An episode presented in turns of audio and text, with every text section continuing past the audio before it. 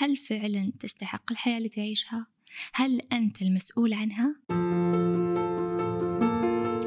أهلا وسهلا فيكم في حلقة جديدة من بودكاست نفس أنا سماح العثمان مدربة في السلام الداخلي ومدربة تقنيات العلاج بمجال الفكرة في حلقة اليوم نتكلم أكثر عن الاستحقاق الذاتي وكيف أن حياتك الآن هي فعلا استحقاقك خذوا نفس عميق وخلونا نبدأ موضوعنا اليوم عن الاستحقاق وهو من أكثر المواضيع جدلا في مجال التطوير الذات ما هو الاستحقاق؟ وهل فعلا حياتي الآن أو وضعي الحالي هو بسبب استحقاقي؟ أو أني أستحق الأفضل؟ وكيف ممكن أصل لهذا الأفضل؟ الإنسان عبارة عن أفكار ومشاعر.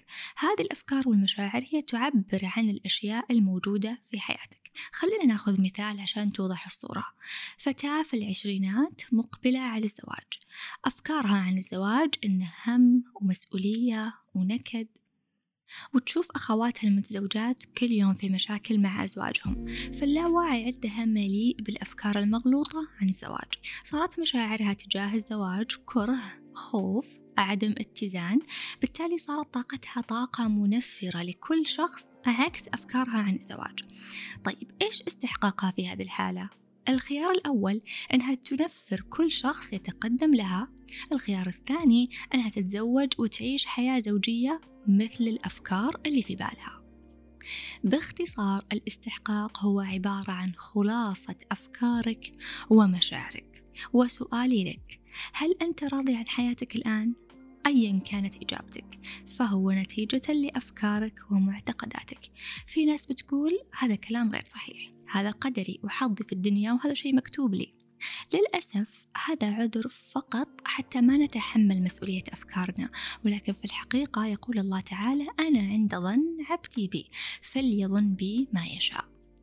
إذا إذا أنا عدلت أفكاري ومشاعري تجاه الشيء اللي أبي أطوره في حياتي سواء موضوع الزواج أو العلاقات أو أي جانب أشعر أنه غير متزن عندي تتحسن أفكاري عنه ويقيني فيه فبالتالي أوجده في حياتي. لذلك راح أقعد مع نفسي قاعدة صريحة وأراجع أنا إيش أفكاري عن هذا الجانب.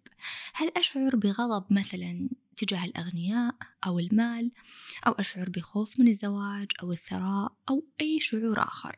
وإذا وجدت عندي شعور سلبي معناها في خلل معناها في فكرة مغلوطة. وحتى لو افترضنا أنه فعلا أنت ما بيدك شيء وهذا حظك في الدنيا أيضا هذه الفكرة غلط. ليش؟ لأن الدعاء يغير القدر.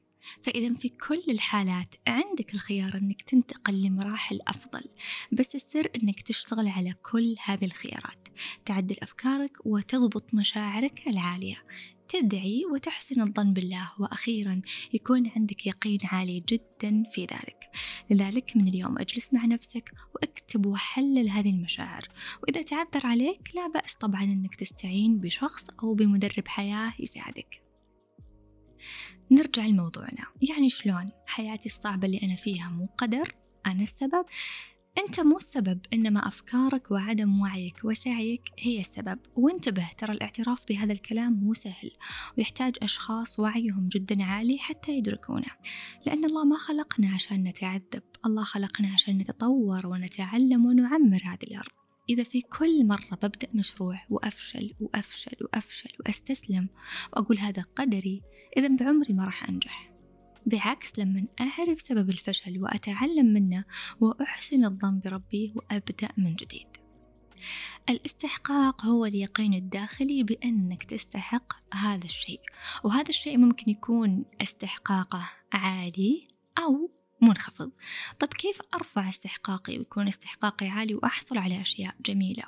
وأؤمن أني أنا أستحق وأقدر أعيش حياة أفضل. في ناس لما تقول لهم هالجملة يقول لك يوه المنحوس منحوس. وهذه من الأمثلة المدمرة. نرجع مرة ثانية. كيف أرفع استحقاقي؟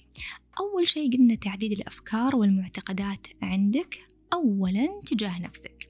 خلونا ناخذ مثال مع سارة. قدمت على وظيفة بس تحس إنهم ما راح يقبلونها. ليش؟ والله في ناس أحسن مني وأكفأ مني فأحس إنهم ما راح يقبلوني. هنا استحقاق منخفض وممكن فعلا يخرب عليها موضوع الوظيفة. ولنفترض مثلا أن في ناس أفضل من مؤهلاتها. صحيح وهذا الشيء متوقع. بس أكيد أنه هي عندها مهارات مميزة ممكن تقدمها لهذا الشغل يساعدهم ويفيدهم ولكن هي تجهل هذه المهارة في نفسها بس إيش بيصير لو عرفت أنها مميزة؟ وأن فيها مهارات أفضل بكثير من غيرها وأن عندها القدرة على عمل أمور غيرها ما يقدر يعملها كيف بتكون مشاعرها؟ هنا بتكون سارة أقوى داخليا وأفكارها عن نفسها مختلفة وتعرف أنها تستحق فعلا هذه الوظيفة حتى لو غيرها مؤهلاتهم أعلى. ليش؟ لأنها مدركة لقواها الداخلية وعدلت أفكارها عن نفسها. في البداية كانت تنظر لنفسها أنه في أفضل منها وأنه هي شخص جدا عادي ولكن لما اكتشفت نفسها واكتشفت مهاراتها الداخلية استحقاقها ارتفع. وخليني أشاركك تمرين يعتبر من أقوى التمارين في رفع الاستحقاق واللي دائما أشاركه المتدربين عندي أو في الجلسات الخاصة. ألا وهو أنك تكتشف الأمور الجميلة فيك وتركز عليها. كل يوم اكتب خمسة أشياء مميزة فيك ومو شرط هذه الأشياء تكون إنجازات عظيمة لا إنجازات بسيطة. مثلا أنه عندك أسلوب على إقناع الآخرين. أو أنك نافع في بيتك أو في عملك أو أن تتميز بصوتك أو طبخك أو أسلوبك. أي شيء يميزك اكتبه واستمر في التركيز عليه. هذا التمرين بيعمل نقلة في تركيزك وبتبدأ تعرف قد إيش أنت مميز وعندك صفات كثير حلوة. ومن هالتمرين دائما تقدر تطور مهاراتك في أي جانب حتى تصل لمرحلة أنك مؤمن تمام الإيمان أنك الأفضل وبالتالي استحقاقك يكون عالي عالي عالي. والسؤال المهم ما هي مدمرات الاستحقاق اللي لازم أنتبه منها؟ واحد الأفكار والمشاعر المتخزنة في اللاواعي واللي تعطيك نظرة سلبية وأنك ما تستحق الجيد في حياتك. واللي غالبا تكون أفكار مزروعة من الطفولة أو من صدمات تعرضنا لها مثل أنك أنت غير جيد أنت غبي أنت ما تستحق الأفضل أنت أنت نحاول نراجع هذه الأفكار ونشتغل عليها بالطريقة أو بالخطوات اللي ذكرتها سابقا. اثنين التركيز على نقاط الضعف الداخلية فيك واللي بدورها تخلي صورتك الذاتية عن نفسك غير جيدة. يعني ممكن واحد يكون شاطر وذكي ولكن مثلا عنده نقطة ضعف إنه مثلا اللغة الإنجليزية غير جيدة أو عنده أي شيء بسيط يقدر يتطور ولكن يترك الأشياء الزينة اللي فيه وبس يركز على نقاط الضعف. ثلاثة عدم اليقين والتشكيك بالذات. أربعة مقارنة نفسك بالآخرين. دائما تذكر أنت مختلف غيرك مختلف وأنت مختلف. إذا في مهارات أو في صفات الآخرين أفضل منك فيها دائما تذكر أنه أنت عندك صفاتك الخاصة فيك وكل اللي عليك أنك أنت اللي تكتشفها. اللي أبيك تستفيد منه من هذه الحلقة هو أنك تكون واعي أكثر لأفكارك عن أي شيء تبغى تحصل عليه. أي هدف تشعر أنه بعيد عنك فكر فيه. وراقب الأفكار اللي تجيك والمشاعر اللي تجيك. اكتبها وناقشها مع نفسك حتى تفرغ المشاعر المرتبطة فيها. أو بإمكانك أنك تجرب تقنيات ال EFT اللي بدورها راح تساعدك في تحرير المشاعر المتخزنة عندك. راح أضع لك رابط في وصف هذه الحلقة يساعدك في فهم تقنيات ال EFT وكيف تقدر تستفيد منها. ولا تنسى تشارك هذه الحلقة مع كل الأشخاص اللي تحبهم وتبغى تساعدهم أنهم يطورون من أنفسهم ويرفعون استحقاقهم حتى يصلون لأفضل نسخة منهم. وأيضا لا تنسى تشارك هذه الحلقة على منصات التواصل الاجتماعي على الإنستغرام وأنا راح أرجع أعمل ريبوست لمنشورك.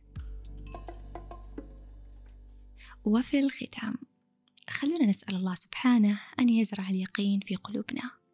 اليقين في أنفسنا وفيه سبحانه وأنه يعلمنا المعنى الحقيقي لقوانا الداخلية وقيمتنا الداخلية وكيف أننا دائما نستحق الأفضل وأننا قادرين على الحصول عليه. ألقاكم في الحلقة القادمة في أمان الله.